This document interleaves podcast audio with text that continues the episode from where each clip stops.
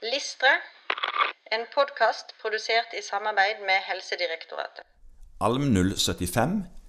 Selvstendig kunne koordinere pasientens helsetjenester i samarbeid med andre deler av helsetjenesten, der dette ikke er tillagt andre instanser.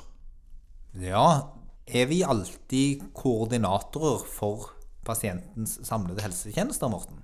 Jeg tror pasientene tenker at fastlegen er den som eh, koordinerer og styrer, har kontrollen og oversikten på det meste, ja. Det tror jeg. Jeg er enig i det. Det er ofte en forventning, ikke bare for pasienten, men for også for andre instanser, om at vi skal være koordinator. Og noen ganger så skal vi det når det gjelder deler av pasientens behandling. Men det står en veldig viktig sånn andreledd på den setningen. Ja, Der dette ikke er tillagt andre instanser, står det. Absolutt. Og det er mange situasjoner der dette bør og skal med fordel ligge til andre instanser. Ja. Fordi at det å koordinere noe Ja. betyr ikke nødvendigvis at du trenger å være fastlege eller spesialist i allmennmedisin eller lege. Tenker du at eh, kommunen kan være en slik instans? Ja, og de aller fleste vil i løpet av sin eh, praksis få erfaring med at det er ofte kommunen som er en sånn instans. Ja. Altså, mange kommuner har jo nå også det som heter et tjeneste- og koordineringskontor. Nettopp. I hvor den man- kommunen du jobber, hva heter det der?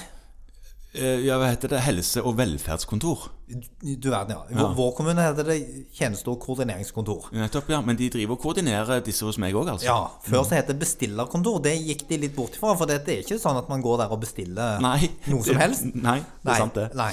Og eh, det tror jeg var lurt, altså. Ja. Og det å ha et koordineringsansvar handler på en måte om å ha en overordnet oversikt over hvilke tilbud pasienten har, Mm. og skal ha. Og det er ikke alltid bare medisinske. Nei, ofte ikke. Nei. Og, og noen ganger så ligger dette i, i relasjon til det som vi kaller for en individuell plan. Mm, Det er riktig. Ja. Erfaring på dette læringsmålet kan man samle seg ved å delta i det som er en vanlig del av en allmennlege og fastleges liv. Det er sånne ansvarsgrupper. Ja, Hvor rett og slett de forskjellige aktørene rundt en pasients liv møtes sammen med pasienten for å diskutere ting. Ja, Og der det absolutt på ingen måte er gitt at det er du som pasientens fastlege som skal ha det koordinerende ansvaret. Nei, og Vanligvis så er det jo ikke du som fastlege som kaller inn til disse møtene heller. Nei. Nei. Og så skal de ulike rollene i en sånn type koordinerende arbeid, og hva det vil innebære å være koordinator, det tas også opp i gruppeveiledning. Og kan også ses på i samhandling med spesialisthelsetjenesten.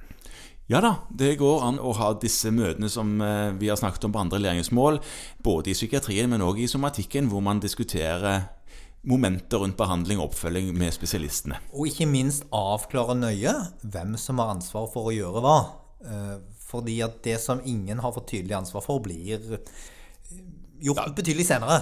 Ja, og vi vet jo alle, hvis det ikke er noe bord, så havner du jo på vårt. Alltid. Alltid.